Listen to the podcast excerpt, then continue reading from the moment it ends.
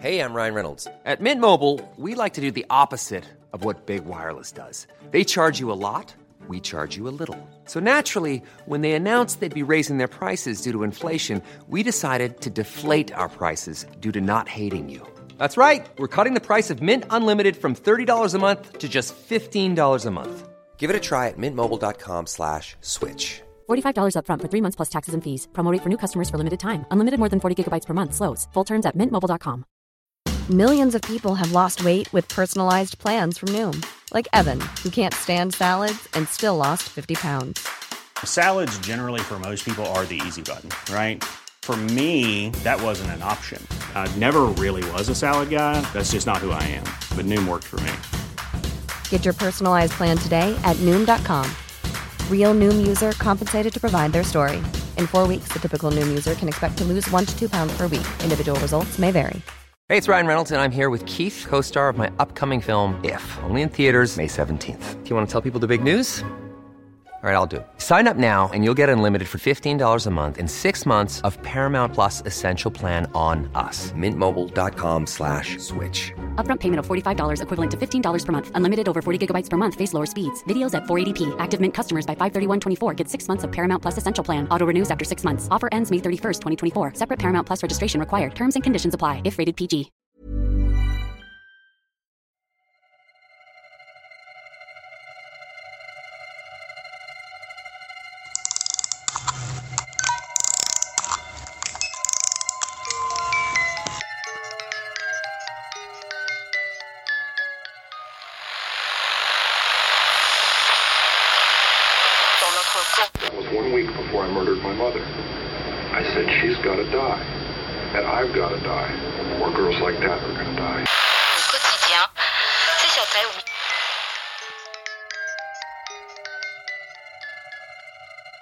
Hej och välkomna till Rysarstunden. Det är jag som är Alex. Och det är jag som är Linda.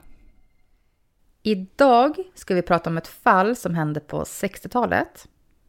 Offret hette Sylvia Likens och hon föddes den 3 januari 1949 och dog den 26 oktober 1965. Hon var en amerikansk tonåring som torterades och mördades av sin vårdare Gertrud Banesewski. Även känd som The Torture Mother. Många av Gertruds barn och deras grannskapsvänner deltog också i tortyren som kom att vara i tre månader innan Sylvia slutligen dog av sina omfattande skador och undernäring den 26 oktober 1965 i Indianapolis, Indiana.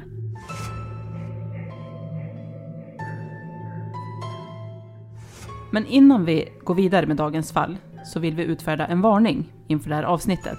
För det förekommer våld mot barn och ganska otäcka detaljer om tortyr. Så är ni känsliga och inte klarar av det här ämnet så det är okej att ni hoppar över det här avsnittet och lyssnar nästa vecka då vi pratar lite mer paranormalt igen.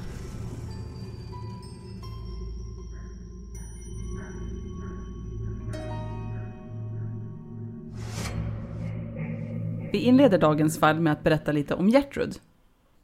Eller som The Tortured Mother, som hon också kallades. Hon föddes den 19 september 1928 i Indianapolis, Indiana. Och hon var det tredje barnet av sex barn i familjen. Familjen tillhörde arbetarklass och när Gertrud var tio år gammal såg hon sin då 50-åriga pappa dö av en plötslig hjärtattack. Sex år senare, då hon alltså var 16 år, så hoppade hon av gymnasiet. Och hon gifte sig då istället med 18-åriga John Stefan Banisewski. Och de fick tillsammans fyra barn. Även om John hade ett hett humör och ibland slog sin fru, så var de tillsammans i tio år innan de skildes första gången. Efter skilsmässan gifte Gertrud om sig med en man som hette Edward eh, Guthrie. Det äktenskapet varade bara i tre månader innan de skilde sig. Kort därefter gifte Gertrud om sig med John igen och de fick två barn till. Men 1963 skilde de sig en andra gång. Bara några veckor efter denna skilsmässa inledde Gertrud ett förhållande med en 30-årig svetsare med namn Dennis Lee Wright. Och även han misshandlade henne fysiskt. De fick ett barn tillsammans, Dennis Lee Wright Jr. Och kort efter barnets födelse så övergav Dennis henne och Gertrud lämnade då in en faderskapsstämning mot honom för en ekonomiskt stöd till deras barn. År 1965 bodde Gertrud ensam med sina sju barn. Det var Paula som nu var 17 år, Stephanie på 15 år, John 12 år, Marie 11 år, Shirley 10 år, James 8 år och Dennis Lee Wright som då var 1 år. Gertrud var nu 36 år, 1,68 cm lång och vägde endast 45 kilo. Och hon beskrevs som en kedjerökande, tråkig, underviktig astmatiker som led av klinisk depression på grund av stressen över sina tre misslyckade äktenskap, ett misslyckat förhållande samt ett nyligt missfall. Gertrud bodde i Indianapolis på 3850 East New York med en månadshyra på 55 dollar. Ja, det var lite om Gertruds bakgrundshistoria. Nu går vi över till Sylvia Likens. Och hon föddes den 3 januari 1949 och var det tredje av fem barn som föddes av karnevalarbetarna Lester Cecil Likens och Elizabeth Betty Frances. Hon föddes mellan två uppsättningar av tvillingar. Danielle och Diana, som var två år äldre än hon, och Benny och Jenny, som var ett år yngre. Lilla syster Jenny led av polio, vilket gjorde att ett av hennes ben var svagare än det andra och hon drabbades av en anmärkningsvärd halta och var tvungen att bära på ett stålstag på ena benet. Lester och Elisabeths äktenskap var instabilt och de sålde ofta godis, öl och läsk på karnevalställena runt om i Indiana under hela sommaren. De flyttade ofta och upplevde regelbundet svåra ekonomiska svårigheter. Sönerna i familjen reste ofta när de hade blivit äldre för att hjälpa sina föräldrar med deras jobb. Men Jenny och Sylvia avråddes från att göra detsamma. Man var orolig för deras säkerhet och utbildning. Och som ett resultat så bodde systrarna ofta hos släktingar och då ofta hos sin mormor. I tonåren tjänade Sylvia då och då pengar genom att sitta barnvakt, springa ärenden eller utföra olika enklare sysslor för vänner och grannar. Och hon gav ofta sin inkomst till sin mamma. Sylvia har beskrivits som en vänlig, självsäker och livlig tjej med långt, vågigt ljusbrunt hår som sträckte sig ner över hennes axlar. Och hon var känd som Cookie bland sina vänner. Även om hon var sprudlande höll Sylvia alltid munnen stängd när hon log på grund av att hon saknade en framtand som hon hade tappat när hon vid ett tillfälle hade lekt med en av sina bröder. Hon var också förtjust i musik, särskilt The Beatles, och var särskilt beskyddande över sin betydligt mer blyga och osäkra yngre syster Jenny. Vid flera tillfällen besökte de två systrarna en skridskobana där Sylvia hjälpte Jenny att åka skridskor genom att hålla i hennes hand medan Jenny åkte på sitt friska ben. I juli 1965 bodde Sylvia och Jenny Likens hos sina föräldrar i Indianapolis. Den 3 juli greps och fängslades deras mamma för snatteri. Kort därefter ordnade Lester att hans döttrar fick bo hos Gertrud Banisewski. Två av Gertruds flickor, Paula och Stephanie, hade nyligen blivit bekanta med Sylvia och Jenny när de alla studerade på Arsenal Technical High School. Och vid tidpunkten för det här så försäkrade Gertrud Lester att hon skulle ta hand om döttrarna, som om de vore hennes egna, tills han återvände. Så den 4 juli flyttade alltså Jenny och Sylvia till 3850 East New York Street för att deras far, och senare också deras mor, skulle resa till östkusten med karnevalen. Gertrud skulle få 20 dollar varje vecka för att ta hand om döttrarna. Och Lester och Elisabeth, de skulle återvända i november samma år. Under de första veckorna i Gertruds hushåll utsattes flickorna för mycket lite disciplin eller övergrepp. Sylvia sjöng regelbundet på popskivor tillsammans med Stephanie och hon deltog frivilligt i hushållsarbetet i hemmet. Båda flickorna gick också regelbundet till söndagsskola tillsammans med Gertruds barn. Pastorn i församlingen lovordade Sylvias fromhet. Och de 20 dollar i veckan som Lester hade gått med på att betala Gertrud för att hon skulle ta hand om hans barn, de började strula efter ungefär två veckor. Och som svar på det så började Gertrud släppa ut sin frustration över det här genom att slå flickorna på deras nakna rumpor med olika instrument. Bland annat en cirka 6 cm tjock paddel. Och hon gjorde även uttalanden som Tja, jag tog hand om er två små tikar i en vecka för ingenting. I mitten av augusti hade Gertrud börjat fokusera sitt övergrepp på nästan uteslutande Sylvia. Med hennes främsta motivation troligen avundsjuka på flickans ungdom, utseende, respektabilitet och potential. Det första övergreppet innefattade att utsätta Sylvia för misshandel och svält, vilket tvingade Sylvia att äta matrester eller mat ur soptunnorna. Vid ett tillfälle anklagades hon också för att ha stulit godis som hon faktiskt hade köpt för egna pengar. Och vid ett tillfälle i slutet av augusti blev båda flickorna misshandlade med den tidigare nämnda padden efter att Paula, alltså Gertruds dotter, som nyligen hade blivit bekant med Sylvia, hade anklagat dem för att ha ätit mycket mat vid en kvällsmåltid. Vid ett annat tillfälle i slutet av augusti utsattes Sylvia för förnedring när hon påstod sig ha en pojkvän i Long Beach som hon hade träffat våren 1965 när hennes familj bodde i Kalifornien. Som svar frågade Gertrud om Sylvia någonsin hade gjort något med en pojke. Sylvia svarade osäkert ”Jag antar det” och förklarade att hon hade åkt skridskor med pojken där och att hon en gång hade följt med honom till en park vid stranden. Sylvia fortsatte samtalet med Jenny och Stephanie och nämnde att hon en gång hade lagt sig under täcket med sin pojkvän. Och när Gertrud fick höra detta frågade hon Sylvia varför hon hade gjort det. Sylvia svarade Jag vet inte och så ryckte hon på axlarna. Flera dagar senare tog Gertrud upp ämnet igen och sa till Sylvia Du börjar verkligen bli stor om magen Sylvia. Det ser ut som att du ska få barn. Sylvia trodde att Gertrud skojade med henne och sa Ja, den börjar bli stor. Gertrud informerade sedan henne och de andra flickorna i huset att när de gjorde något med en pojke så skulle de vara säkra på att de kunde få barn. Sedan sparkade hon Sylvia mellan benen. Paula, som själv var gravid i tredje månaden och även avundsjuk på Sylvias utseende, deltog i attacken mot Sylvia. Hon slog ner Sylvia från stolen hon satt på i köket och skrek åt Sylvia att hon inte passade att sitta i en stol.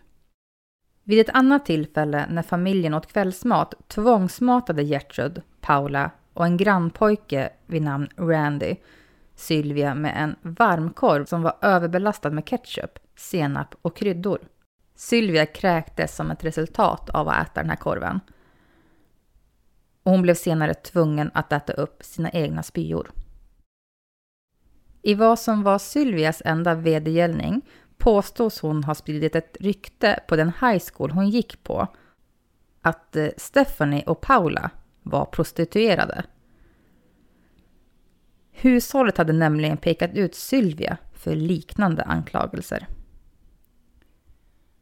När Stephanie kom till skolan fick hon höra av en pojke som skämtsamt berättade för henne att Sylvia hade startat det här ryktet. Och när hon kom hem den dagen frågade Stephanie Sylvia om ryktet och Sylvia erkände att hon hade startat det. Som svar slog Stephanie till henne. Sylvia bad om ursäkt med tårar i ögonen och Stephanie började då också att gråta. Men när Stefanis 15-åriga pojkvän hörde talas om ryktet attackerade han brutalt Sylvia. Han slog henne, dunkade hennes huvud i väggen och fällde henne baklänges på golvet. Och när Gertrud fick reda på det använde hon en paddel för att slå Sylvia. Vid ett annat tillfälle slog Paula Sylvia så hårt i ansiktet att Paula bröt sin egen handled. Efter att främst ha fokuserat slaget på Sylvias tänder och ögon. Senare använde Paula gipset på handleden för att ytterligare slå Sylvia. Gertrud anklagade upprepade gånger Sylvia för att vara promiskuös och för att ägna sig åt prostitution. Hon gnällde om smutsigheten i det och kvinnor i allmänhet. Gertrud skulle senare då och då tvinga Jenny att slå sin egen syster och om Jenny inte lydde så skulle även hon bli slagen.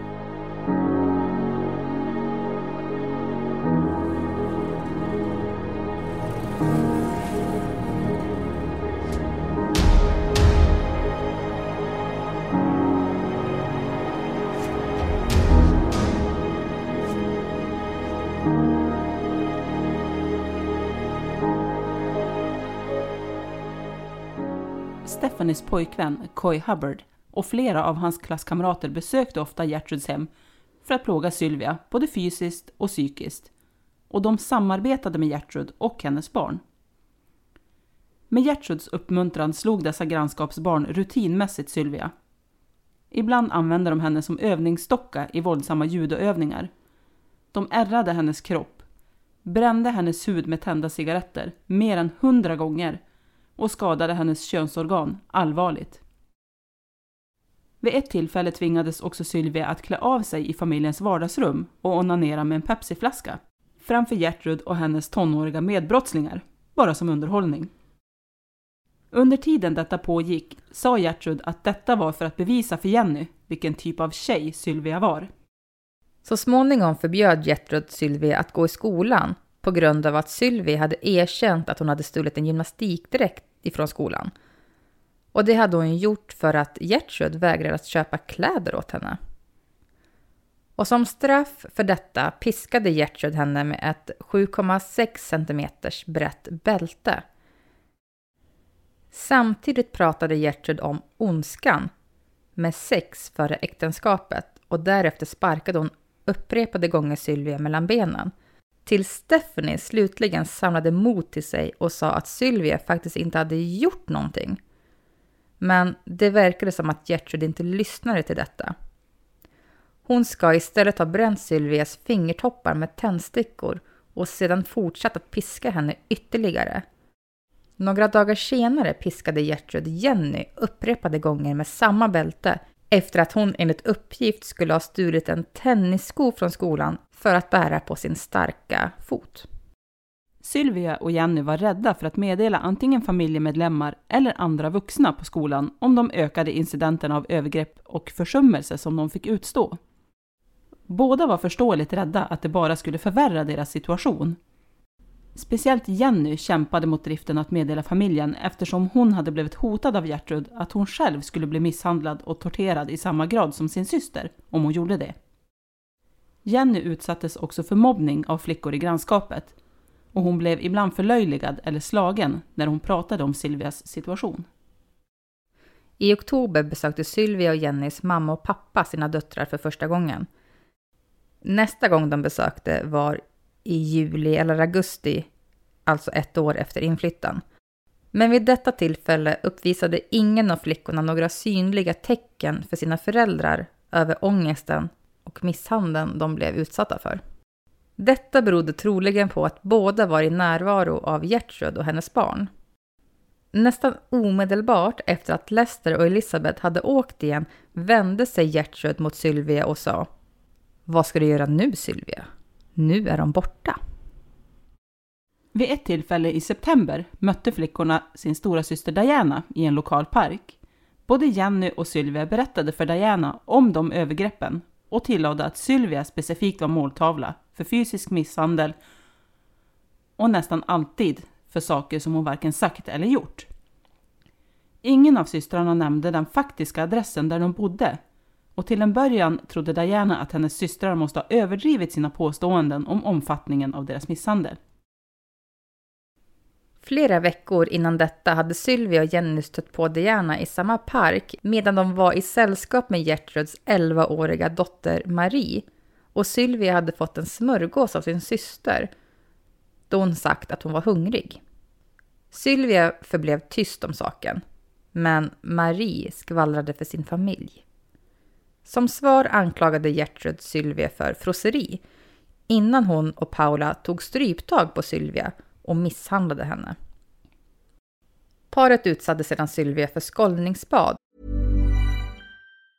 If you thought the only way to get a more defined jawline with natural looking results was through surgery, think again. Juvederm Volux XC is a non surgical injectable gel filler that improves moderate to severe loss of jawline definition and can help you achieve natural looking results with little downtime. Even better, this improved definition lasts up to one year with optimal treatment. No maintenance required. Improve jawline definition for a smooth, sculpted look with Juvederm Volux XC. For important safety information and to find a licensed specialist, visit juvederm.com. That's J U V E D E R M.com. Not for people with severe allergic reactions, allergies to lidocaine, or the proteins used in Juvederm. Common side effects include injection site redness, swelling, pain, tenderness, firmness, lumps, bumps, bruising, discoloration, or itching. There's a risk of unintentional injection into a blood vessel, which can cause vision abnormalities, blindness, stroke, temporary scabs, or scarring. Talk to a licensed specialist to find out if it's right for you. Millions of people have lost weight with personalized plans from Noom, like Evan, who can't stand salads and still lost 50 pounds. Salads, generally, for most people, are the easy button, right? For me, that wasn't an option. I never really was a salad guy. That's just not who I am. But Noom worked for me. Get your personalized plan today at Noom.com. Real Noom user compensated to provide their story. In four weeks, the typical Noom user can expect to lose one to two pounds per week. Individual results may vary. för att rena henne från synd. Gertrud tog tag i hennes hår upprepade gånger och slog hennes huvud mot badkarskanten för att återuppliva henne när hon hade svimmat. Kort efter den här händelsen ska en pappa till en pojke i grannskapet som hette Michael John Monroe ha ringt till skolan där Sylvia gick för att anonymt berätta att det bodde en flicka med öppna sår över hela kroppen i Gertruds hem. Eftersom Sylvia inte hade gått i skolan på flera dagar besökte en skolsköterska hushållet för att undersöka saken närmare. Gertrud hävdade för skolsköterskan att Sylvia hade rymt från hennes hem föregående vecka och att hon inte var medveten om vad Sylvia faktiskt var. Och tillade att Sylvia var utom kontroll och att hennes öppna sår var ett resultat av Sylvias vägran att sköta sin hygien.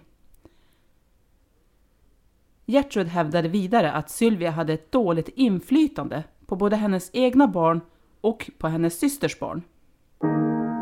Skolan gjorde inga ytterligare utredningar rörande Sylvias välfärd.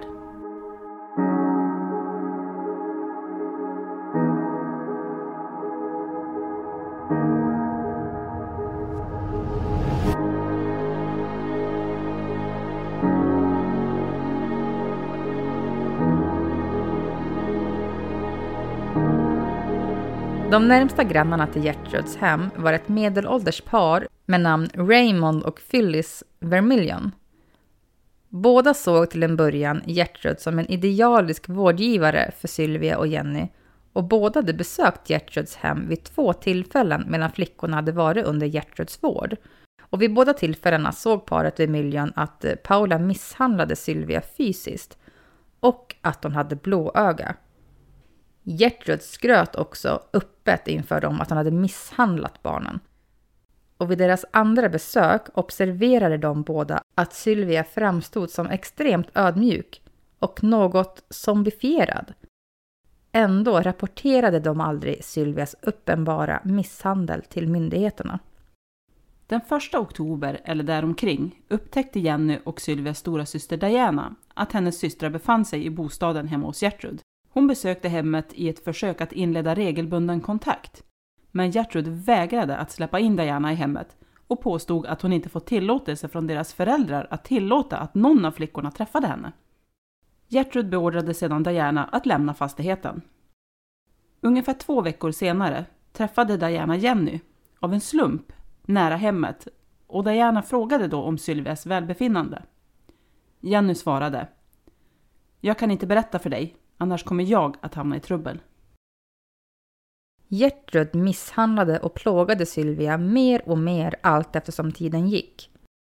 Vid ett tillfälle höll Gertrud upp en kniv och utmanade Sylvia att kämpa tillbaka mot henne. Varpå Sylvia svarade att hon inte visste hur man skulle slåss. Som svar tillfogade Gertrud ett lätt skärsår på Sylvias ben.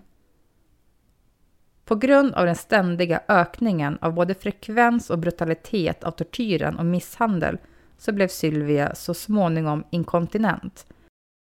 Hon nekades tillgång till badrummet och Sylvia hade ju såklart inget annat val än att kissa på sig. Som en form av straff för sin inkontinens kastade Gertrud den 6 oktober ner Sylvia i källaren och band fast henne där nere. Och i källaren höll Sylvia oftast naken, matades sällan och fick sällan vatten.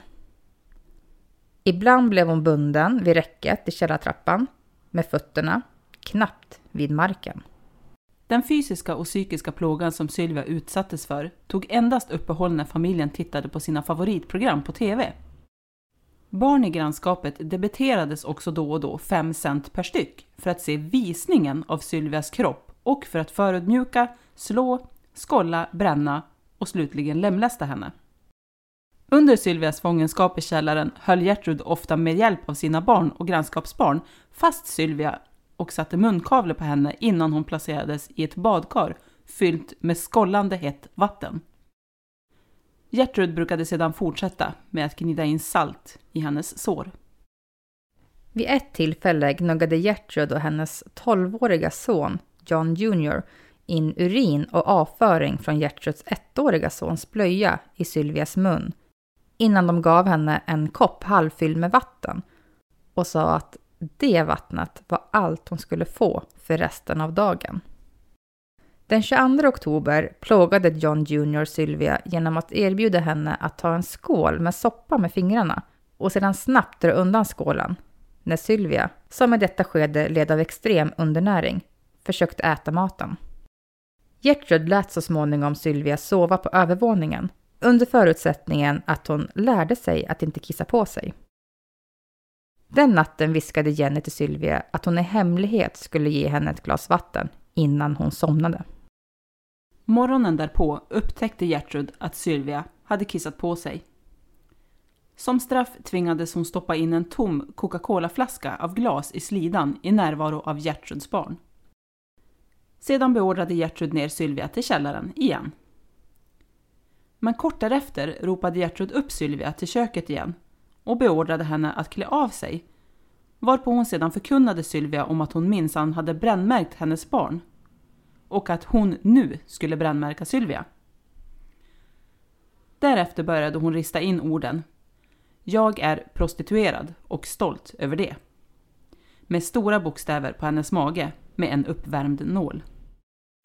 När Gertrud inte kunde avsluta bränningen instruerade hon ett av grannbarnen som var närvarande, 14-åriga Richard Dean Hobbs, att avsluta brännmärkningen på Silvias hud, medan hon själv tog med Jenny till ett närliggande livsmedelsbutik.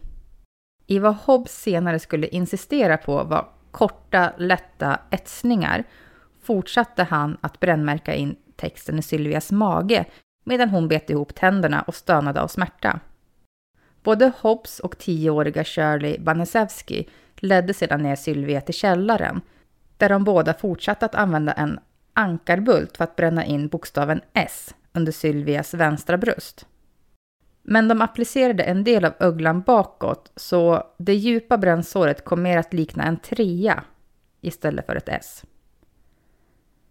Gertrud ska senare ha hånat Sylvia och sagt att hon aldrig skulle kunna gifta sig på grund av de inbrända orden på hennes mage.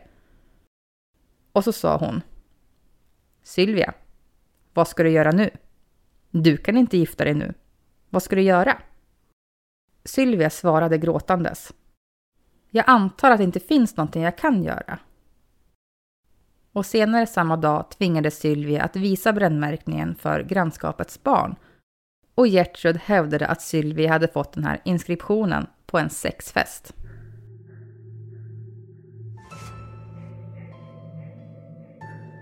Den natten ska Sylvia ha sagt följande till sin syster. Jenny, jag vet att du inte vill att jag ska dö. Men jag kommer att dö. Jag kan säga det. Följande dag väckte Gertrud Sylvia och tvingade henne sedan att skriva ett brev där Gertrud dikterade innehållet. Brevet var avsett att vilseleda Sylvias föräldrar att tro att deras dotter hade rymt från bostaden.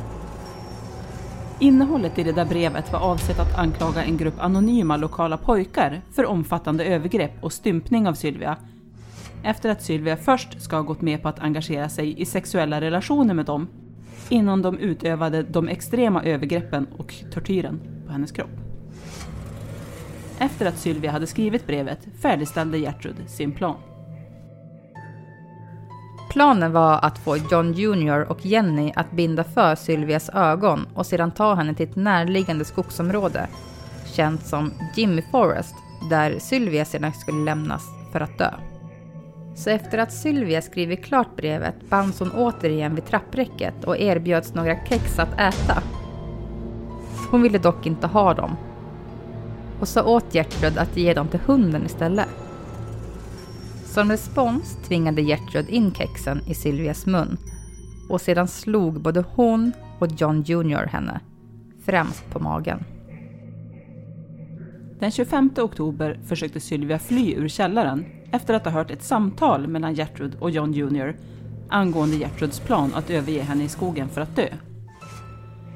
Hon försökte fly till ytterdörren, men på grund av hennes omfattande skador och allmänna svaghet fångade Gertrud henne innan hon hann fram till dörren. Sylvia fick sedan kex att äta, men kunde inte konsumera maten på grund av hennes extrema tillstånd av uttorkning. Gertrud tvingade in kexen i munnen på henne innan hon upprepade gånger slog Sylvia i ansiktet med en gardinstång tills delar av instrumentet böjdes i räta vinklar. Coy Hubbard tog sedan gardinstången från Gertrud och slog till Sylvia ytterligare en gång, vilket gjorde henne medvetslös. Gertrud släpade då ner Sylvia till källaren igen.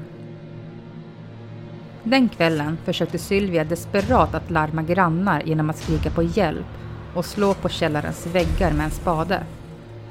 En granne ska ha informerat polisen att hon har hört desperata ljud och att han hade identifierat att ljuden kom från källaren på 3850 East New York Street. Men allt eftersom oväsendet plötsligt hade upphört runt klockan tre på natten så bestämde hon sig för att inte informera polisen om störningen. Nästa morgon, den 26 oktober, kunde Sylvia varken tala eller korrekt koordinera rörelsen av hennes armar. Gertrud flyttade in Sylvia i köket och efter att ha stöttat ryggen mot en vägg försökte hon ge Sylvia en munk och ett glas mjölk. Hon kastade Sylvia i golvet när Sylvia inte kunde flytta glaset med mjölk till sina läppar. Och därefter återfördes hon till källaren igen. Kort därefter började Sylvia bli förvirrad och stönade och mumlade upprepade gånger. När Paula bad henne att rabbla upp det engelska alfabetet kunde Sylvia inte säga fler än de fyra första bokstäverna. Hon kunde inte heller resa sig från marken. Som svar hotade Paula henne verbalt att antingen resa sig upp eller så skulle hon hoppa på Sylvia. Gertrud beordrade sedan Sylvia, som hade utfört sitt behov, att eh, städa upp efter sig. Den eftermiddagen samlades flera av Sylvias plågoandar i källaren. Sylvia rörde ryckigt på sina armar i ett uppenbart försök att peka på ansiktena på de plågoandar hon kände igen och gjorde uttalanden som Du är Ricky. Du är Gertie. Innan Gertrud kortfattat skrek Håll käften! Du vet vem jag är! Minuter senare försökte Sylvia utan framgång att bita i ett ruttet päron som hon hade fått för att äta. Och sa att hon kunde känna att hennes tänder var lösa. När Jenny hörde detta svarade hon Kommer du inte ihåg Sylvia? Din framtand slogs ut när du var sju. Jenny lämnade sedan Sylvia i källaren för att gå upp och utföra några trädgårdssysslor åt några grannar i hopp om att tjäna lite pengar. I ett försök att tvätta Sylvia sprayade en skrattande John Jr Sylvia med en trädgårdsslang som Randy Lepper tog med sig till huset den eftermiddagen på Gertruds begäran. Sylvia försökte återigen desperat att lämna källaren men kollapsade innan hon kunde nå trappan. Som svar på denna ansträngning stampade Gertrud på Sylvias huvud innan hon ställde sig och bara stirrade på Sylvia en lång stund. Strax efter 17.30 återvände Richard Hobbs till bostaden och fortsatte omedelbart ner till källaren. Han halkade på den blöta trappan och föll tungt ner på golvet i källaren för att konfronteras av synen av Stephanie som grät och kramade om Sylvias utmärglade och rivna kropp efter att hon blivit beordrad av sin mamma att städa nere i källaren. Stephanie och Richard bestämde sig då för att ge Sylvia ett varmt tvåligt bad och att klä henne i nya kläder. De la henne sedan på en madrass i ett av sovrummen. Och då muttrade Sylvia sin sista önskan. Att hon ville ha sin pappa hos sig och att Stephanie skulle ta henne med sig hem till honom. Stephanie vände sig då mot sin yngre syster Shirley och utbrast. Åh, hon kommer att bli bra. När Stephanie insåg att Sylvia inte andades längre försökte hon återuppliva henne med mun mot mun-metoden. Gertrud ropade dock upprepade gånger till barnen i huset att Sylvia bara fejkade sin egen död. Och Sylvia var bara 16 år gammal då hon dog till följd av sina skador.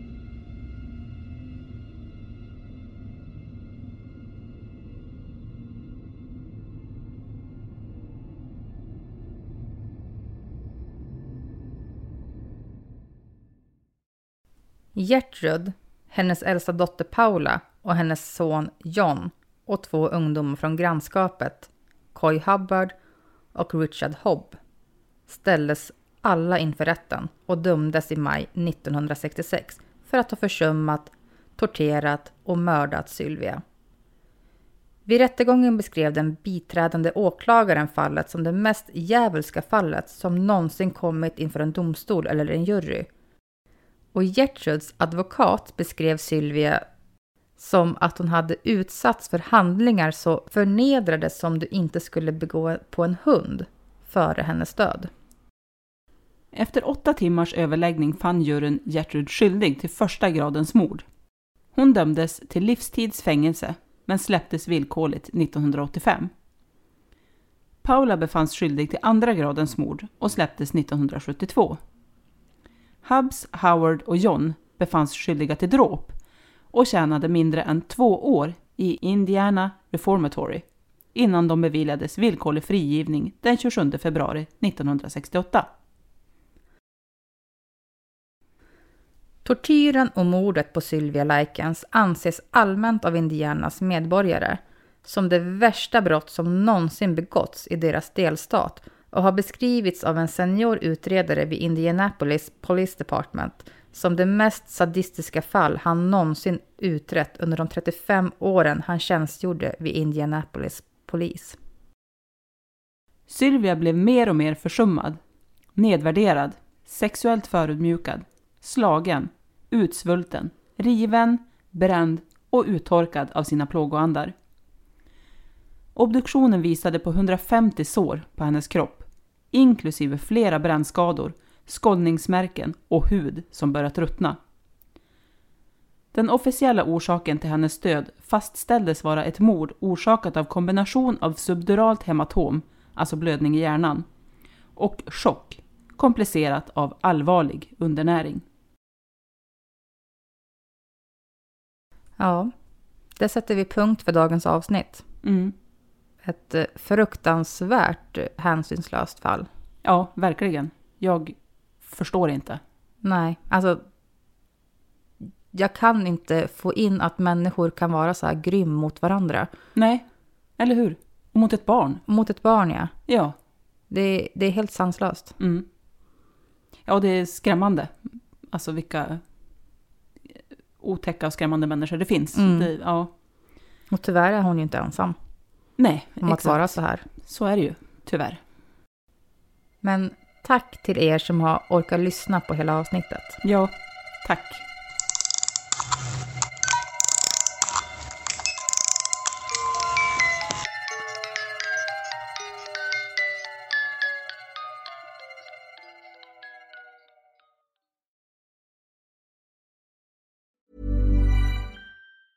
Even when we're on a budget, we still deserve nice things.